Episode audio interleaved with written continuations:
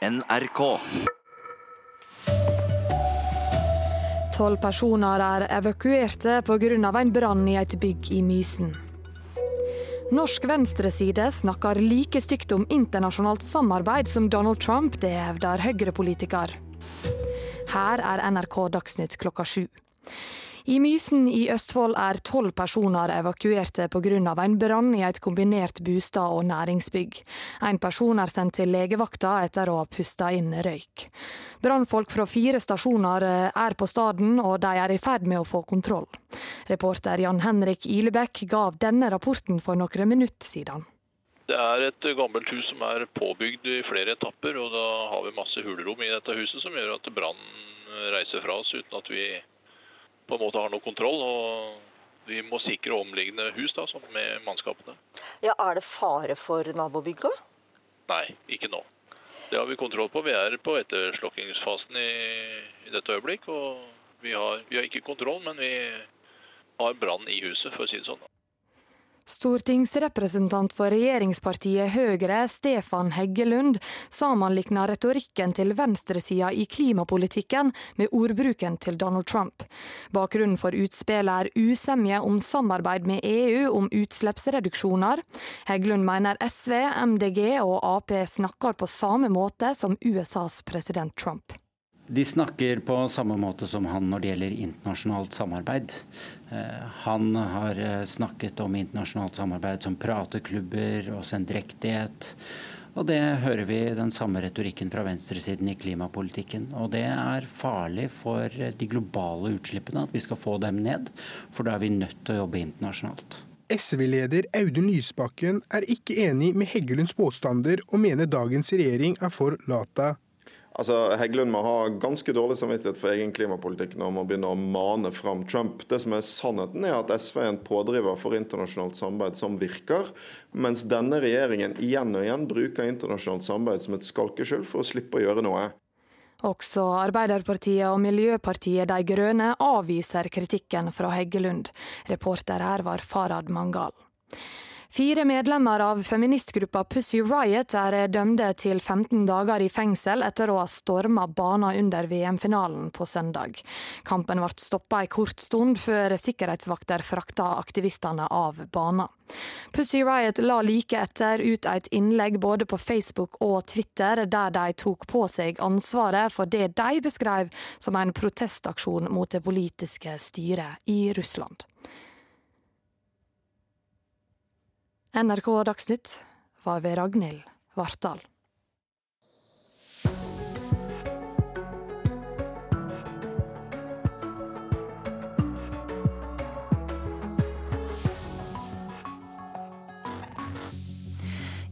God morgen. I et intervju med Fox News kaller USAs president sin russiske kollega for veldig sterk. Vi skal selvfølgelig snakke om de sterke reaksjonene etter møtet mellom Trump og Putin i, eh, Putin i Helsingfors i går. Og som du hørte i Dagsnytt, Høyres Stefan Heggelund sammenligner venstresidens eh, bruk av ord i klimapolitikken eh, med retorikken til Donald Trump. Audun Lysbakken ber ham gå i skammekroken. Og du får høre om en konflikt mellom Tesla-gründeren og en av grottedykkerne i Thailand. Blant mye annet. Velkommen til Nyhetsmorgen. Det er tirsdag 17. juli, midt i fellesferien. Jeg heter Ida Creed og er programleder i dag. Donald Trump er eh, tilbake i eh, USA etter toppmøtet med Russlands mektige leder Vladimir Putin, og der venter kraftig kritikk. Fremfor å sole seg i glansen er det ventet at Trump må rydde opp og klargjøre hva han egentlig mener. I et intervju med den konservative TV-kanalen Fox News kaller USAs, eh, sin, kaller USAs president sin russiske kollega for veldig sterk. First of all, he said there was no collusion whatsoever. Uh, uh, Putin sa det klart, det var ingen sammensvergelse, gjentar president Donald Trump. Han gikk fra den omstridte pressekonferansen og rett til intervju med Sean Hannitys program på Fox. Før han fløy tilbake til USA, omtalte også Trump den russiske presidentens opptreden under toppmøtet i Helsingfors som sterk. Very, very Det at USAs president sådde tvil om egen etterretning da han sto ved siden av Russlands president, har vakt oppsikt i USA. Trump nektet også å gi Putin skylda for innblandingen i presidentvalget i 2016.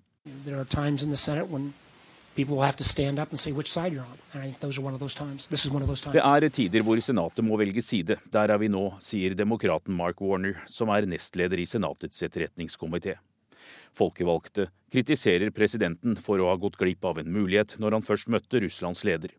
Aldri før i amerikansk historie har en sittende president gitt slik støtte til en fiende av USA som Trump gjorde, sier demokratenes leder i Senatet, Chuck Schumer. It's thoughtless, it's dangerous, it's weak.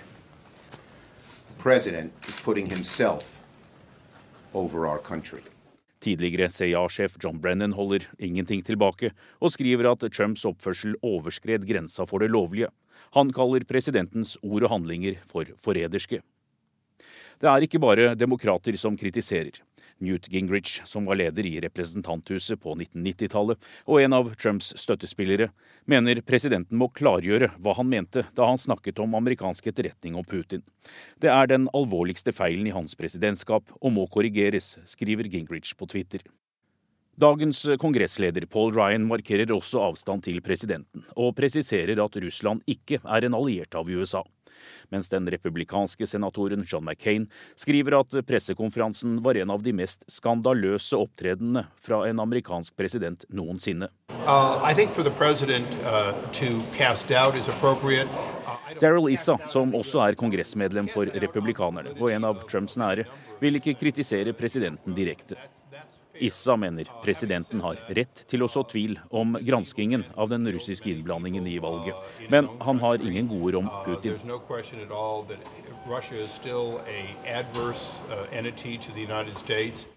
President Trump kom tilbake til USA for noen timer siden. Allerede i kveld er det satt opp et møte med medlemmer av Kongressen. Hva det skal handle om, nevnes ikke i meldingen fra Det hvite hus. Men etter krass kritikk fra flere kanter tvitret USAs president under overfarten at han har stor tillit til USAs etterretning. Reporter eh, Anders Tvegård. Vi har med oss reporter Gro Holm. Du er fortsatt eh, i Helsingfors eh, dagen etter toppmøtet. Begge har reist. Hvordan er reaksjonene fra USAs allierte i Europa på dette møtet, Gro? Ja, De som har kommet, har vært eh, veldig kritiske. Eh, den tyske utenriksministeren Heiko Maas han har tvitret at nå kan vi ikke lenger han stiller spørsmål om vi lenger kan stole fullt ut på Det hvite hus. Eh, og Polens tidligere utenriksminister Radek Sikorski han har fulgt møte her i, i Helsingfors, og han uttalte seg til CNN i og Han sa da at han er svært bekymret fordi vi er avhengig av å stole på at dersom Russland gjør det mot Polen som eh, Russland gjorde mot Ukraina, så, så, må vi kunne stole på at USA kommer oss til unnsetning. Eh, og, og, vi er ikke lenger sikre på det, sa Sikorski. Mm.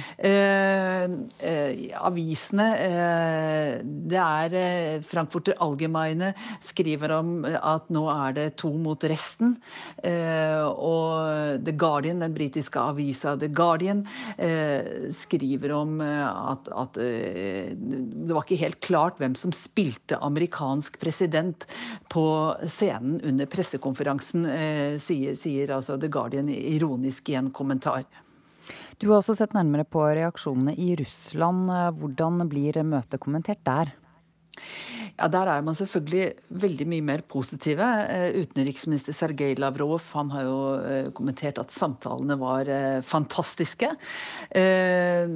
En, et parlamentsmedlem i, i, Russland som sitter i, i føderasjonsrådet, han, han, sier at det er latterlig å tenke på president Obamas utsagn om Russland som en svak regional stormakt. Og han skriver, dette er Aleksej Pushkov er navnet hans, han skriver at Russland eh, trenger jo ikke møte med USAs leder for å bli oppfattet som en stormakt. Det har vært en stormakt eh, siden seieren i andre verdenskrig og, og etter at de fikk sete i FNs sikkerhetsråd.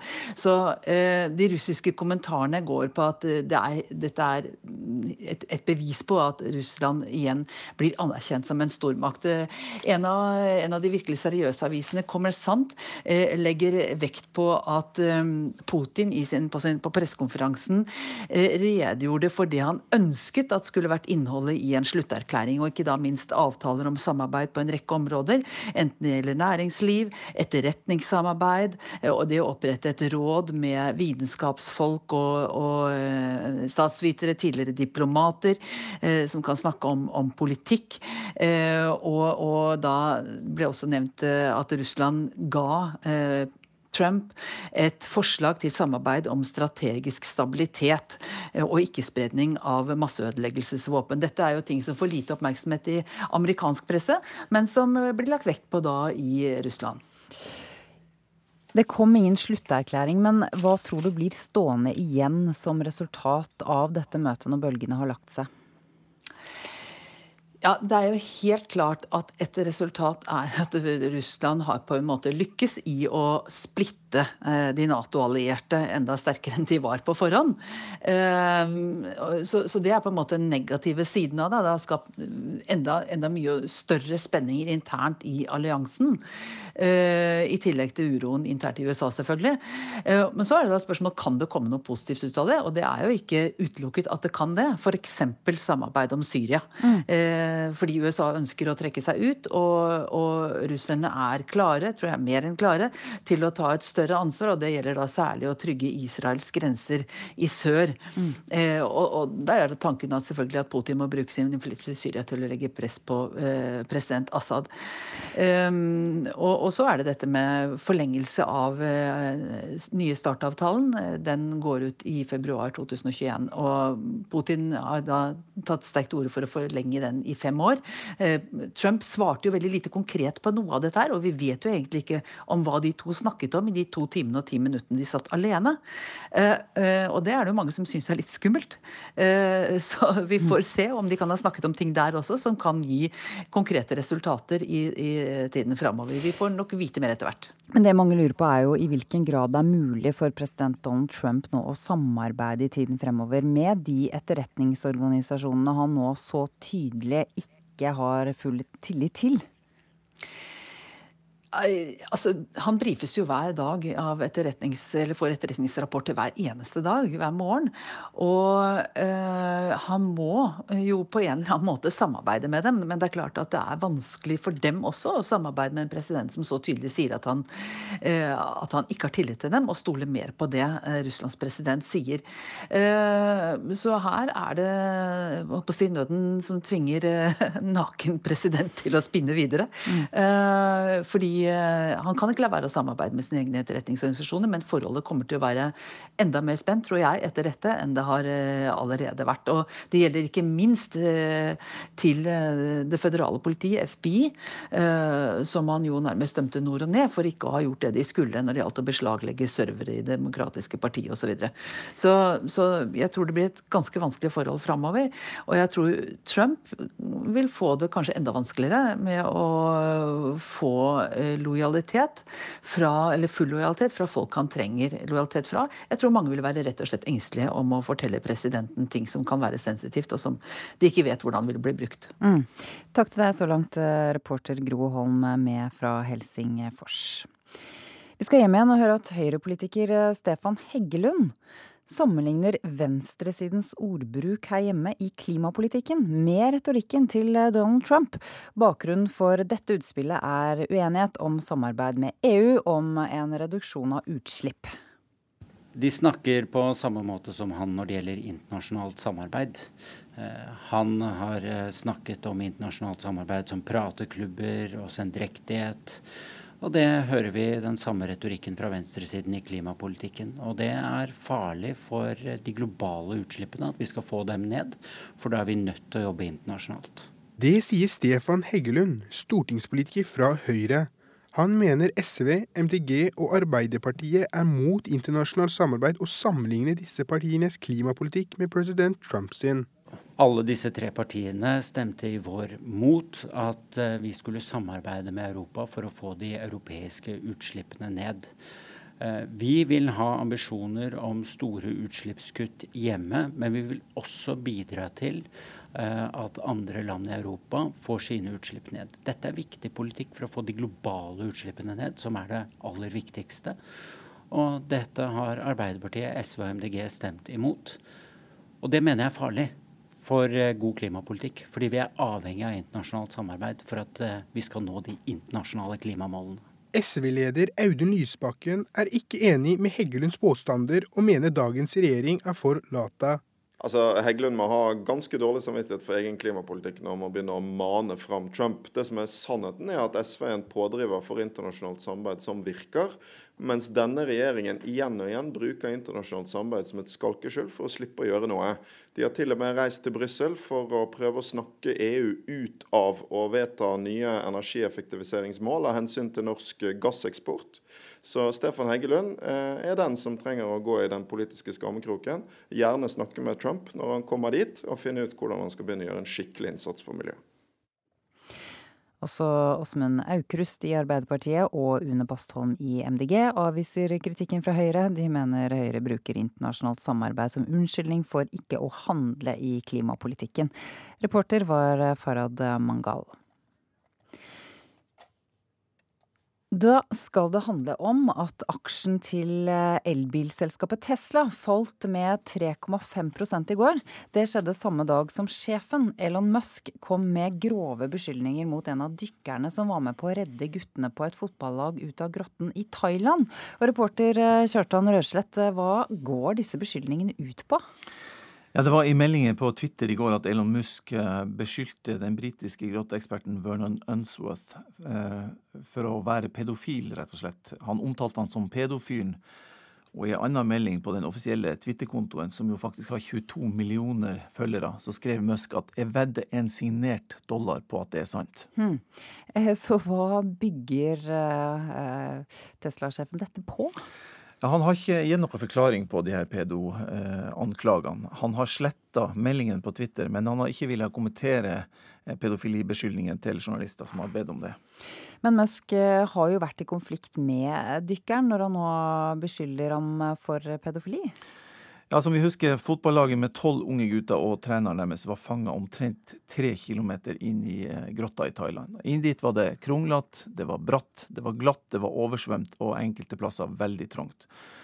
Eh, de fleste guttene kunne ikke svømme, og de kunne langt mindre dykke, så det å få dem ut derifra framsto som en nesten umulig oppgave. Og Det var da Elon Musk, eh, som jo er kjent fra både Tesla og romselskapet SpaceX, tilbød seg å bygge en miniubåt som kunne frakte guttene ut av grotta.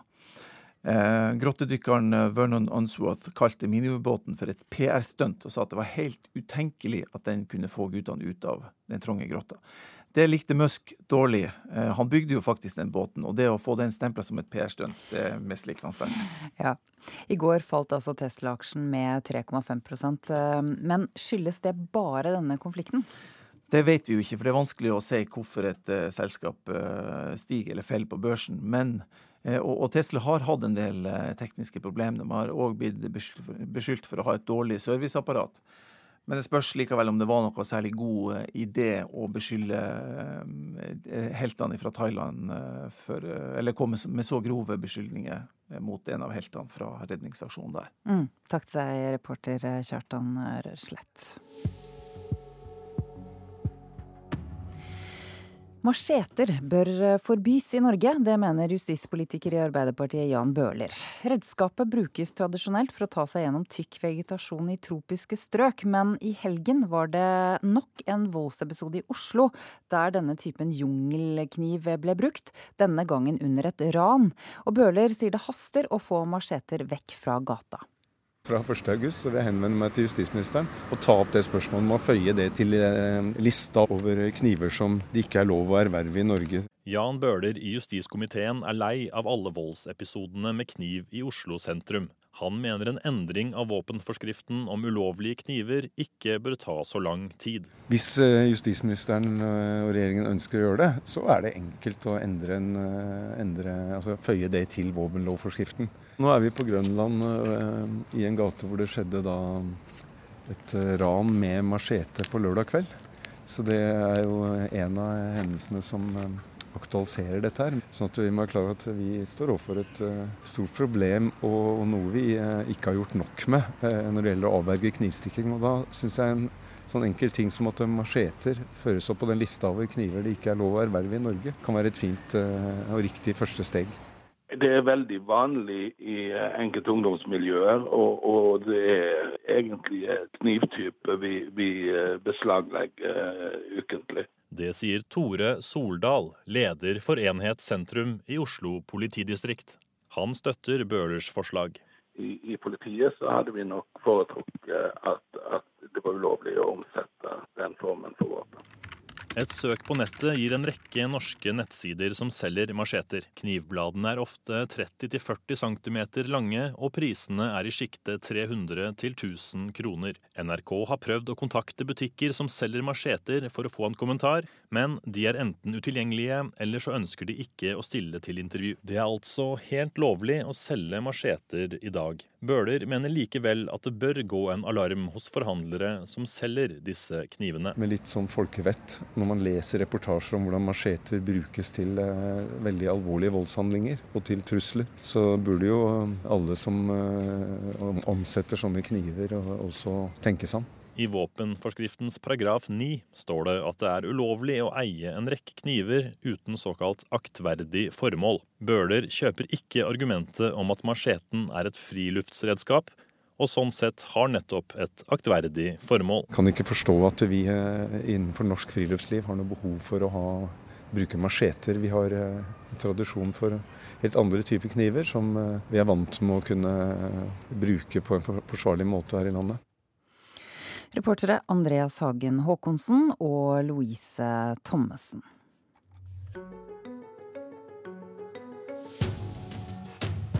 Frankrike vant jo 4-2 over eh, Kroatia i eh, VM-finalen, det har du sikkert fått med deg. Men eh, begge lagene ble mottatt som helter da de kom tilbake til sine hjemland i går.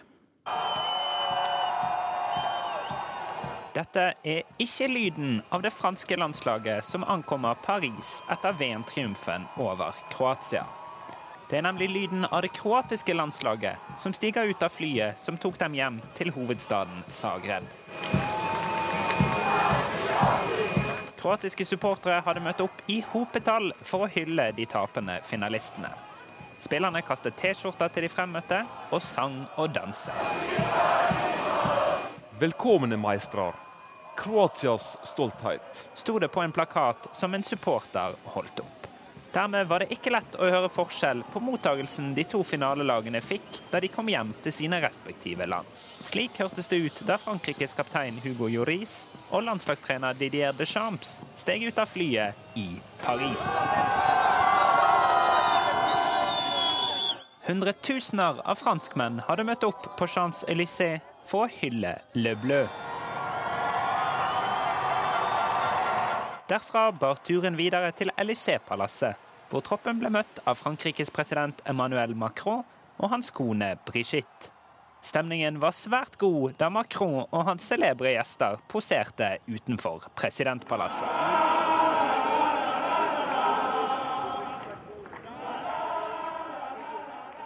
Reporter her var Alexander Losnegård.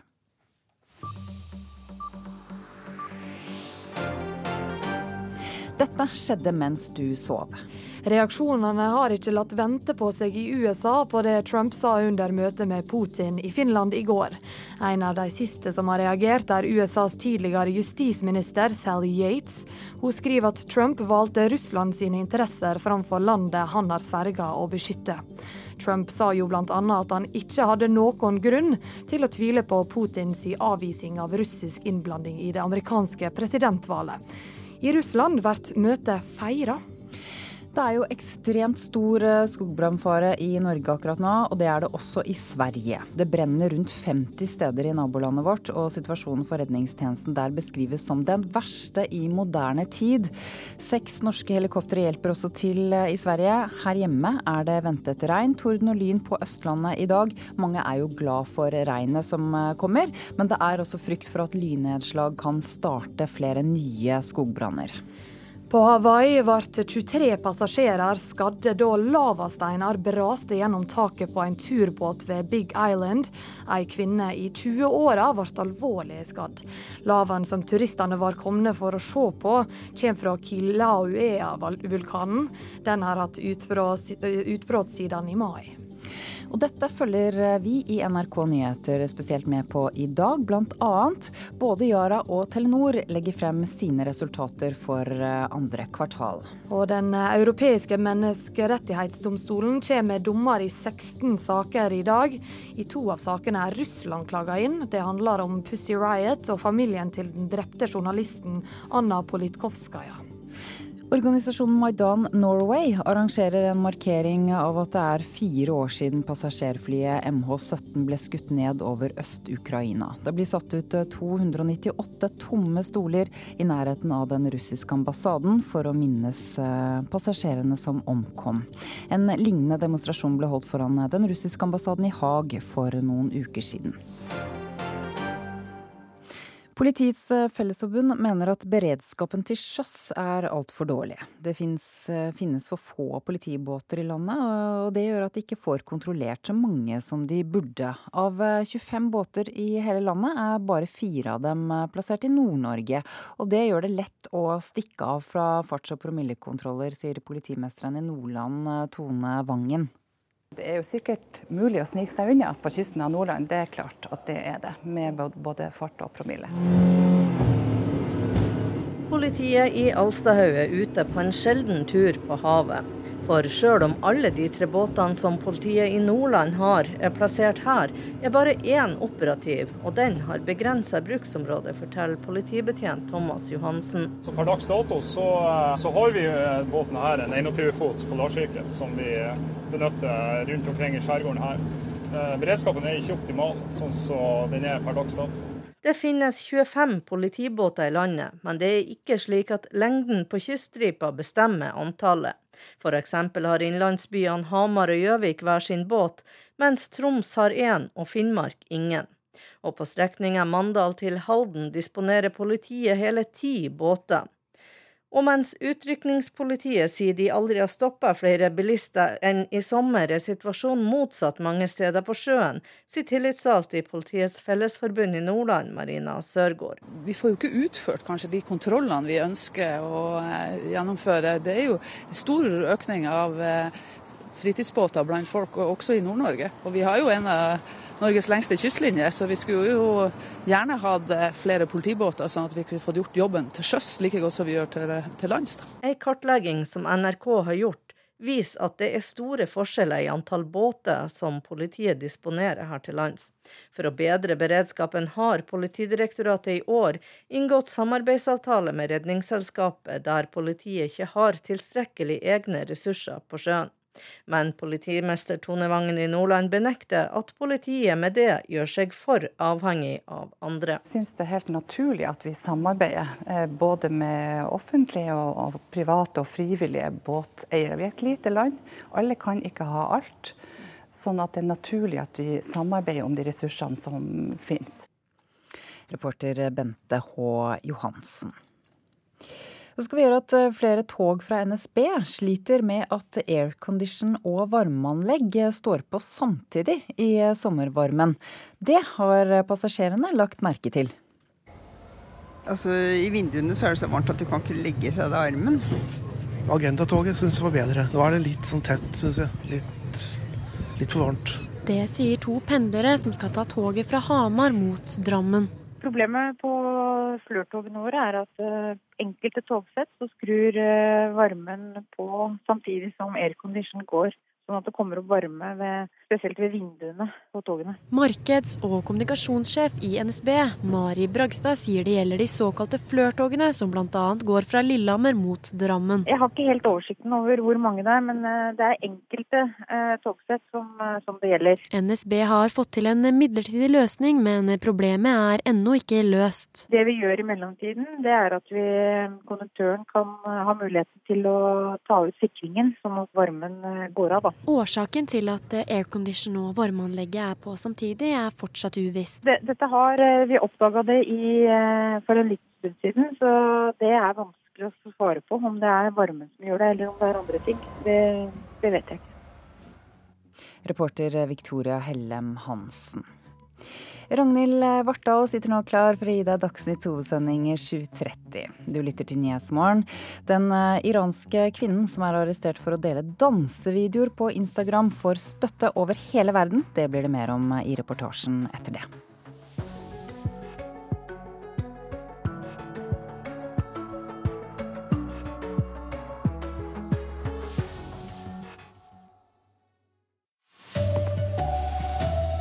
Trump møter kraftig kritikk fra flere kanter etter toppmøtet i Helsingfors. Ap-politiker er lei av valsepisoder med kniv i Oslo sentrum, vil ha forbud mot macheter. Store påkjenninger for brannvesenet i Sør-Norge. Nå blir arbeidsmiljølova brutt daglig. Her er NRK Dagsnytt, klokka er 7.30. Donald Trump er tilbake i USA etter toppmøtet med Russland sin mektige leder Vladimir Putin, og der venter kraftig kritikk. Framfor å sole seg i glansen er det venta at Trump må rydde opp etter kontroversielle kommentarer om amerikansk etterretning. Putin sa det klart. Det var ingen sammensvergelse, gjentar president Donald Trump. Han gikk fra den omstridte pressekonferansen og rett til intervju med Sean Hannitys program på Fox. Det at USAs president sådde tvil om egen etterretning da han sto ved siden av Russlands president, har vakt oppsikt i USA. Det er tider hvor Senatet må velge side. Der er vi nå, sier demokraten Mark Warner, som er nestleder i Senatets etterretningskomité. Tidligere CIA-sjef John Brennan holder ingenting tilbake, og skriver at Trumps oppførsel overskred grensa for det lovlige. Han kaller presidentens ord og handlinger for forræderske. Det er ikke bare demokrater som kritiserer. Newt Gingrich, som var leder i representanthuset på 1990-tallet, og en av Trumps støttespillere, mener presidenten må klargjøre hva han mente da han snakket om amerikansk etterretning om Putin. Det er den alvorligste feilen i hans presidentskap og må korrigeres, skriver Gingrich på Twitter. Mens den republikanske senatoren John McCain skriver at pressekonferansen var en av de mest skandaløse opptredenene fra en amerikansk president noensinne. President Trump kom tilbake til USA for noen timer siden. Allerede i kveld er det satt opp et møte med medlemmer av Kongressen. Hva det skal handle om, nevnes ikke i meldingen fra Det hvite hus. Men etter krass kritikk fra flere kanter tvitret USAs president under overfarten at han har stor tillit til USAs etterretning. Reporter her var Anders Tvegård, og reporter Gro Holm fremdeles i Helsingfors dagen etter toppmøtet. Begge de to presidentene har reist. Hvordan er reaksjonene fra USA sine allierte i Europa på dette møtet? Det har ikke kommet så mange eh, reaksjoner fra toppolitikere ennå, men eh, eh, Tysklands utenriksminister Heiko Maas eh, sier på Twitter at vi kan ikke lenger fullt ut stole på Det hvite hus. Og den tidligere, den tidligere polske utenriksministeren Radek Sikorski sier han er bekymret. En må kunne stole på USA dersom Russland gjør det mot Polen som landet gjorde mot Ukraina, sier han til CNN. Han, han er her i Helsingfors. Eh, den tyske avisa Frankfurt Allgemeine skriver på førstesiden at nå er det to mot resten av verden. Det er deres russlandskorrespondent som skriver det. Eh, og, eh, og han skriver om en tone på pressekonferansen preget av at Putin insisterer, mens Trump bare tror. Britiske Daily Mail skriver at Trumps eget team sier at presidenten så utrolig svak ut, og Putin så ut som en vinner. Og du har også sett nærere på reaksjonene i Russland. Hvordan kommenterer de møtet der? Ja, der er reaksjonene eh, overveldende positive. Eh, utenriksminister Sergej Lavrov sier at samtalene var fantastiske. Eh, folkevalgte Aleksej Pusjkov han, han, sier at dette viser at her er det to sammen som bestemmer verdens skjebne. og han har tvitret at det er latterlig nå å tenke på Obamas utsagn om Russland som en svak regional stormakt. Og Russland trenger jo egentlig ikke møte med USA for å bli eh, oppfattet som en stormakt, sier han. Det har vi vært siden andre verdenskrig. Eh, avisa Nes Avisa Magazeta sier at eh, en kommer for så vidt med en nyhet som vi ikke har fått bekreftet, nemlig at USA har foreslått at Russland går sammen med USA mot Iran og Kina. Tusen takk for at du var med oss, reporter Gro Holm. I dag er det lovlig å kjøpe og selge macheter i Norge. Det vil justispolitiker i Arbeiderpartiet Jan Bøhler gjøre noe med. Macheter blir brukt i gjengmiljøet i Oslo, og er et våpen politiet ofte støter på på gata. Jan Bøhler mener et forbud kan være på plass om ikke lenge. Fra 1.8 vil jeg henvende meg til justisministeren og ta opp det spørsmålet om å føye det til eh, lista over kniver som det ikke er lov å erverve i Norge. Jan Bøhler i justiskomiteen er lei av alle voldsepisodene med kniv i Oslo sentrum. Han mener en endring av våpenforskriften om ulovlige kniver ikke bør ta så lang tid. Hvis eh, justisministeren eh, og regjeringen ønsker å gjøre det, så er det enkelt å endre en, endre, altså føye det til våpenlovforskriften. Sånn at vi må være klar over at vi står overfor et uh, stort problem og, noe vi uh, ikke har gjort nok med uh, når det gjelder å avverge knivstikking. Og da syns jeg en sånn enkel ting som at macheter føres opp på den lista over kniver det ikke er lov å erverve i Norge, kan være et fint og riktig første steg. Det er veldig vanlig i enkelte ungdomsmiljøer, og, og det er egentlig knivtype vi, vi beslaglegger ukentlig. Det sier Tore Soldal, leder for Enhet sentrum i Oslo politidistrikt. Han støtter Bøhlers forslag. I, I, politiet så hadde vi nok foretrukket at, at det var ulovlig å omsette den formen for våpen. Et søk på nettet gir en rekke norske nettsider som selger macheter. Knivbladene er ofte 30-40 cm lange, og prisene er i sjiktet 300 1000 kroner. NRK har prøvd å kontakte butikker som selger macheter for å få en kommentar, men de er enten utilgjengelige, eller så ønsker de ikke å stille til intervju. Reportere i saka var Andreas Hagen Haakonsen og Louise Thomassen. I Mysen i Østfold er tolv personer evakuerte etter at det brøt ut brann i et kombinert bostad- og næringsbygg i natt. Brannen er nå under kontroll. Nabo Truls Herstad er en av tolv evakuerte, og han våkna til røyklukt. Vi var ganske rolige, men eh, det så veldig dramatisk ut. For eh, veldig røykutvikling, og flammene sto, begynte da å komme ut gjennom tak og vegger. De mange skogbrannene i Sør-Norge fører til hyppige brudd på både arbeidsmiljølova og HMS-reglementet i brannvesenet. Det forteller brannsjef Ole Kristian Torgalsbøen i Aremark og Halden. I går var det nok en brann som blussa opp, og brannsjefen måtte sende mannskapet ut på et nytt oppdrag. Men vi har jo brutt alt som er av arbeidsmiljølov, og eh, budsjetter er røde hele veien, så dette er en ekstrem situasjon og den må bare brannvesenet takle, uansett om lover og regler brytes. Det går jo på i forhold til eh, hvor mange timer folk har lov å jobbe i løpet av uke. Under ekstreme situasjoner er det lov å bryte reglene. Det sier fungerende regiondirektør i Arbeidstilsynet, Tommy Pedersen. Og så er det sånn som arbeidstaker at man, man, har rett til å avbryte farlig arbeid, og det bør man gjøre så fort man er usikker på, på sin egen sikkerhet. Står man der da, og skogen brenner og en føler seg utslitt, hva skal en gjøre? Det er bedre at det blir materielle skader enn at eh, det blir skader på liv og helse. Så etter mitt skjønn da, så, så, bør man trekke seg unna, eller si ifra. Brannsjefen i Halden er godt fornøyd med hvordan brannfolk har takla de mange skogbrannene i det siste. For jeg vil jo påstå at vi absolutt har levert et ståkarakter. Det gjelder hele Brann-Norge. Reporter var Trond Øyvind Karterud. Regjeringa må gi krisemidler til bønder som er rammet av ekstrem tørke. Det krever Noregs Bonde- og Småbrukarlag, som også er positive til en reforhandling av jordbruksavtalen, slik landbruksminister Jon Georg Dale åpna for i går. Bondelagene er likevel ikke samde, og derfor blir det sannsynligvis ikke en reforhandling, sier Dale. Nå har Bondelagets leder Lars Petter Bartnes i dag avklart at eh, det er ikke aktuelt for eh, et samla jordbruk å gå inn i sånne forhandlinger nå. Det tror jeg er en klok eh, beslutning fra eh, Bondelaget.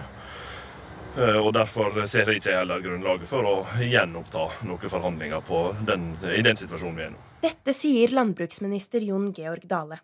Lars Petter Bjartnes sier at Norsk Bondelag ikke har avskrevet reforhandling, men mener det må gjøres en grundig faglig vurdering før det kan bli aktuelt. Vi skal tenke oss grundig om, basert på godt kunnskapsgrunnlag og god oversikt over situasjonen. Lederen i Norsk Bonde- og Småbrukarlag, Merete Furuberg, mener situasjonen er så alvorlig at en reforhandling er nødvendig. Det må tas i bruk krisemidler, sier hun, og kommer med en oppfordring til politikerne. Til både landbruks- og matministeren og til statsminister Erna Solberg så er beskjeden at de må forstå at det er en prekær krisesituasjon. Myndigheten må bli med på en nasjonal dugnad, både økonomisk og solidarisk. Reporter her var Selma Joner. Ansvarlig for NRK Dagsnytt i dag er Anne Skårseth. I studio Ragnhild Vartdal.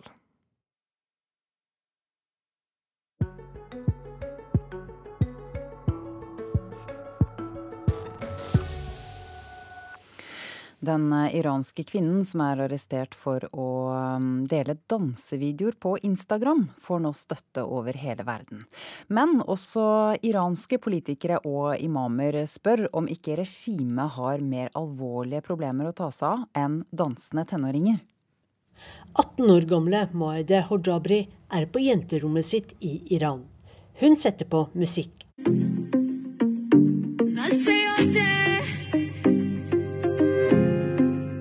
Så ser hun rett inn i kamera, på deg. Sakte begynner hun å vrikke på hoftene. Hun svinger seg sensuelt rundt, og så vrikker hun på rumpa.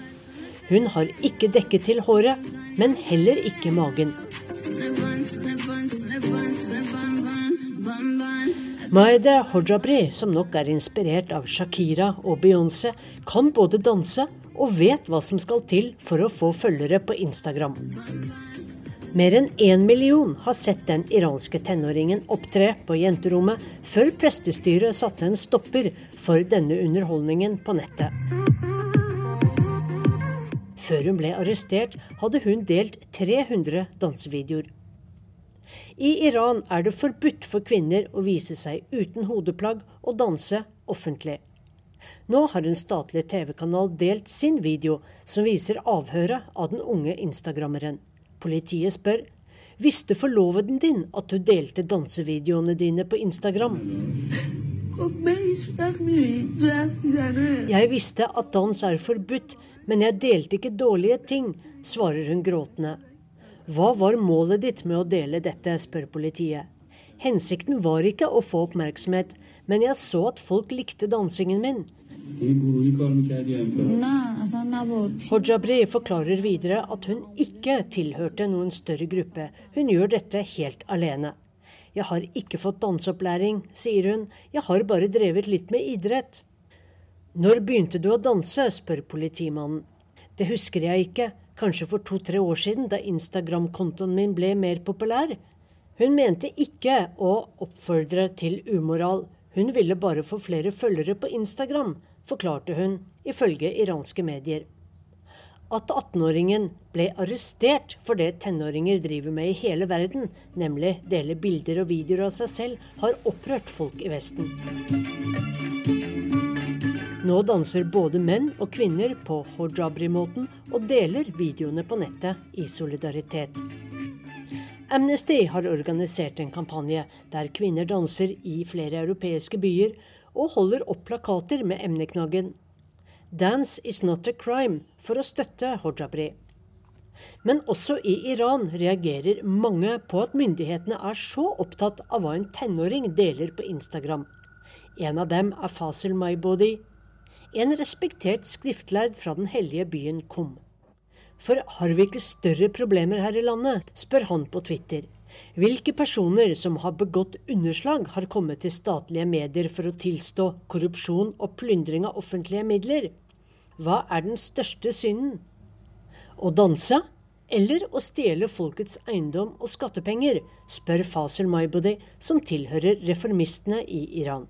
Sissel Wold, Istanbul.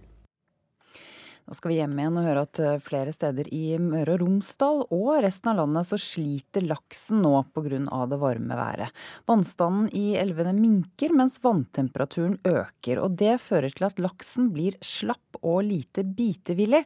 Georg Solem, formann i Surnadal elveeierlag, forteller at laksen eh, rett og slett har mangel på oksygen fordi det er så varmt i vannet.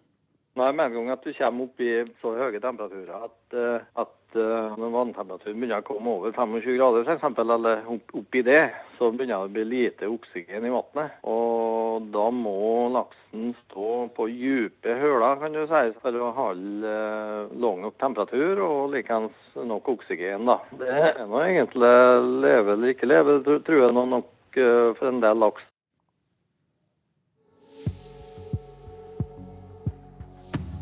Og dette er de viktigste sakene denne morgenen. Donald Trump møter kraftig kritikk fra flere kanter etter toppmøtet i Helsingfors. Det er store påkjenninger for brannvesenet i Sør-Norge nå. Nå blir arbeidsmiljøloven brutt hver eneste dag. Får Trumps sterke støtte til Putin i går under toppmøtet i Helsingfors eh, noen konsekvenser for ham? Det spør vi i sendingen etter klokken åtte. Men eh, først nå. Ryddejobben i norsk idrett er ferdig. Det sier Karen Kvalevåg, som eh, for snart ett år siden ble ny generalsekretær i Norges eh, idrettsforbund. Men hun ligger ikke på latsiden av den grunn. Karmøy-kvinnen som har ansvaret for å modernisere idretten i Norge, er dagens gjest i Sommerkvarteret.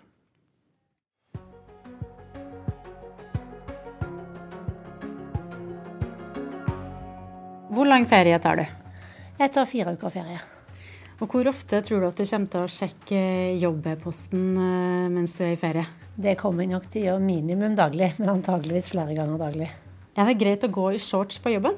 Ja, jeg syns man kan tilpasse ut ifra hvilken jobb man har og hvilke arbeidsoppgaver man har den dagen. Så det syns jeg er greit. Det er det folk som gjør hos oss. Det er kanskje ikke så rart at shorts er greit på Idrettens hus, der Karen Kvalevåg har jobba som generalsekretær siden oktober i fjor. Mange sportsjournalister og andre måtte nok google hvem den da 51 år gamle Karmøy-kvinna var, da hun fikk ansvaret for å være norsk idretts øverste administrative leder. Men Google-søket viser raskt at Kvalvåg har ledererfaring, så det holder. Sjøl måtte hun tenke seg godt om på spørsmål om hvor mange lederjobber hun egentlig har hatt. Eh, det vet jeg ikke, men det har blitt noen etter hvert. Hvis du prøver å telle på fingrene? Så hadde jeg eh, min første lederjobb var nok i Hafslund Nycomen. Og så var jeg i Elkem, og så var jeg i Narvesen, og så var jeg i Burger. Og så, og så hadde jeg Hella Human Restaurant, så hadde jeg Maxbo, så hadde jeg sportsklubben Vidar Oslo Maraton. Og så nå hadde jeg kanskje åttende, litt større lederjobb. Du tok jo over en uh, organisasjon uh, som sleit. Det var oppslag om reiseregninger og nedbemanning. Media skrev at du skulle rydde opp. Har du rydda ferdig? Jeg syns vi skal dele det i to. Jeg tenker at eh, Det som kanskje sto i avisen som, som, jeg, som jeg opplevde for å rydde, det tenker jeg at vi er veldig på lang vei på å rydde ferdig. Vi har lagt klare og tydelige retningslinjer, vi har full åpenhet. Det, det, som skjedde da, det vil ikke skje igjen. Så det tenker jeg at vi har rydda ferdig. Og så er det den andre tingen som jeg syns er aller mest eh, er kanskje det aller viktigste nå å få til framover, det er egentlig det jeg har bak på den tavla. Det er hvordan vi skal klare å modernisere hele norsk idrett. Den tavla er ei stor, hvit tavle Kvalevåg har på kontoret sitt, der hun har tegna organiseringa til norsk idrett med svart tusj. Øverst på organisasjonskartet står ordet 'medlemmer', med en ring rundt og mange piler i forskjellige retninger. Og så er det jo tegnet litt om hvordan er, det, hvordan er det vi andre skal være med og bidra til at det er attraktivt å være medlem i norsk idrett, både i dag og inn i framtiden. Og hvordan er det vi skal gi det verdidebatten har jeg, og frivilligheten har jeg, verdiene og toppidrett versus bredden. Og at vi skal drive bærekraftig. Og dette er med spennet mellom egenorganisert og organisert. Så Det er det jeg har tenkt opp her, i tillegg med Norsk Tipping, som er en veldig viktig finansiering av norsk idrett. Så når du sitter på eh, pulten din noen meter bortafor her, så mm. titter du opp på den her. Hva får du ut av det? Eh, det jeg titter opp på den, det er jo den store eh, den store greia som jeg tenker må få til, det er å utvikle denne organisasjonen. Sånn at vi blir mer attraktive for medlemmene. Driver mer eh, verdieretta og er enda mer eh, samfunnsengasjert enn vi i dag. Det, får, det minner meg på mitt eh, det som jeg tenker nå er mitt aller viktigste prosjekt som leder i, i generalsekretær i NIF, det er nemlig å få til denne utviklingen og få det gjennom på en god måte. Fikk du deg noen sånne jøss, yes, er det sånn de gjør det? Opplevelser da du tok jobben? Ja, noen uh, opplevelser fikk jeg, men, uh, men, både på godt og vondt. Altså, det har hatt litt mye silotankegang. Det er det nok en del organisasjoner eller bedrifter også som har. Litt silotankegang og litt lite kontroll på enkelte ting. Men generelt Eh, det sånn Det er ikke sånn det, er, det var dining og vining i hele NIF, på en måte, eller i hele norsk idrett. Det er det ikke. Så det var bare eh, noen tilfeller som ikke var greie. Ellers er det masse flinke folk. Masse flinke folk som har lyst til å ta ut enda mer av potensialet sitt, og det syns jeg er kjempefint. Så det er liksom med å få bygge ned de siloene, få på plass disse retningslinjene, snakke om det, så tror jeg det er enormt potensial i masse flotte mennesker. Veldig mange som jobber her som brenner for det de jobber for. Det er mer enn en jobb. Og jobben hun vil ha dem til å gjøre nå, er ikke liten. Norsk idrett skal moderniseres. Hva betyr det? Rent til det konkret er det sånn at enhver organisasjon, enhver bedrift, enhver etat, alle sammen, de må drive med kontinuerlig utvikling. Og hvis du ikke har gjort det på en stund, så må du ta store løft. Og der ligger vi nå idretten sin organisasjon og organisasjon, organisasjonsutvikling.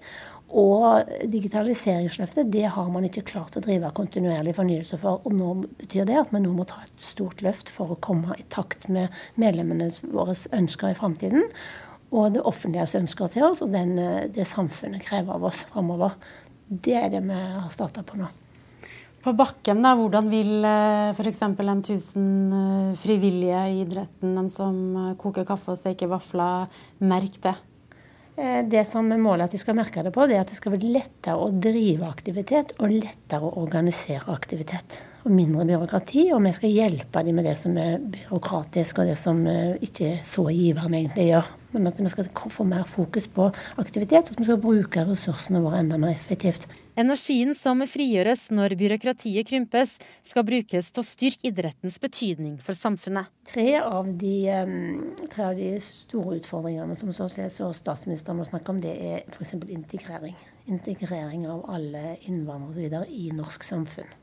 Det er en eh, utfordring. Det er større sosiale forskjeller er en annen utfordring. Og inaktivitet og mer stillesitting eh, er kanskje en tredje utfordring og eh, som er ganske store. Alle de tre utfordringene, utfordringene kan idretten, eller tar idretten i dag en stort eh, del av, og de kan ta enda mer av. Og jeg ønsker at vi skal ta enda mer av det. For gjennom idrett så driver du eh, folkehelse. Altså du får aktivitet. Du bygger tilhørighet og trygghet, og ikke minst verdier og normer. Så du bygger sterke lokalsamfunn og tjener Norge. Jeg tenker at Mye av det verdiarbeidet som gjør eh, det er iallfall jeg veldig opptatt av å drive med, det er det verdiarbeidet som drives i norsk idrett. Og for så vidt i frivilligheten totalt sett. En veldig viktig grunnmur og plattform videre tenker jeg, for samfunnet, for Norge. Og det å bruke idretten aktivt for å få til det, det er jeg opptatt av. Hva er det du liker best med å kunne bestemme? Jeg liker best med å kunne være med å påvirke samfunnet i den retningen jeg syns er viktig. Og hvis jeg så er en fellesnevner kanskje for flere av de jobbene jeg har hatt tidligere i næringslivet, bl.a. vært i Umo Restaurant som drevet veldig mange restauranter tidligere, det er ungdom. Og påvirkning til hvordan ungdom skal ha det framover. I, I, idretten så er det mye barn og ungdom, og for så vidt voksne.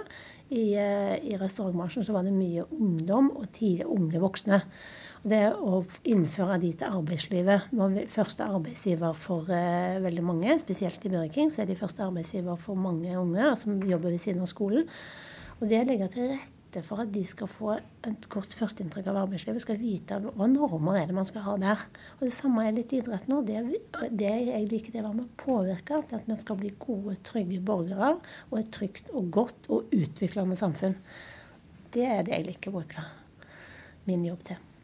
Eh, du begynte karrieren din eh, i kiosken eh, til faren din på Karmøy. Hvordan har det påvirka deg at du er fra kremmerslekt? Jeg tenker kanskje at jeg har fått med meg et par-tre ting hjemmefra. Det ene er den kremmerslekta, som du sa. Den andre jeg syns jeg var veldig heldig. Jeg vokste opp med to foreldre som elska jobben sin. Som hver dag tenkte at sånn så heldig jeg som er frisk og rask og kan stå på, gå på jobb i dag. Så jeg har fått med meg den gleden over å jobbe. Gleden over å bidra. Og Kremmerslekt har jo fått med meg at man må, man må forvalte ressursene så effektivt som mulig for å få igjen eh, et resultat ut av det man skal gjøre. Det, det tror jeg kanskje jeg har fått med meg. Og så var den eh, kremmerslekta butikken til pappaen min, der, som lå sentralt i Kopervik, den var nok et møtested for veldig mange.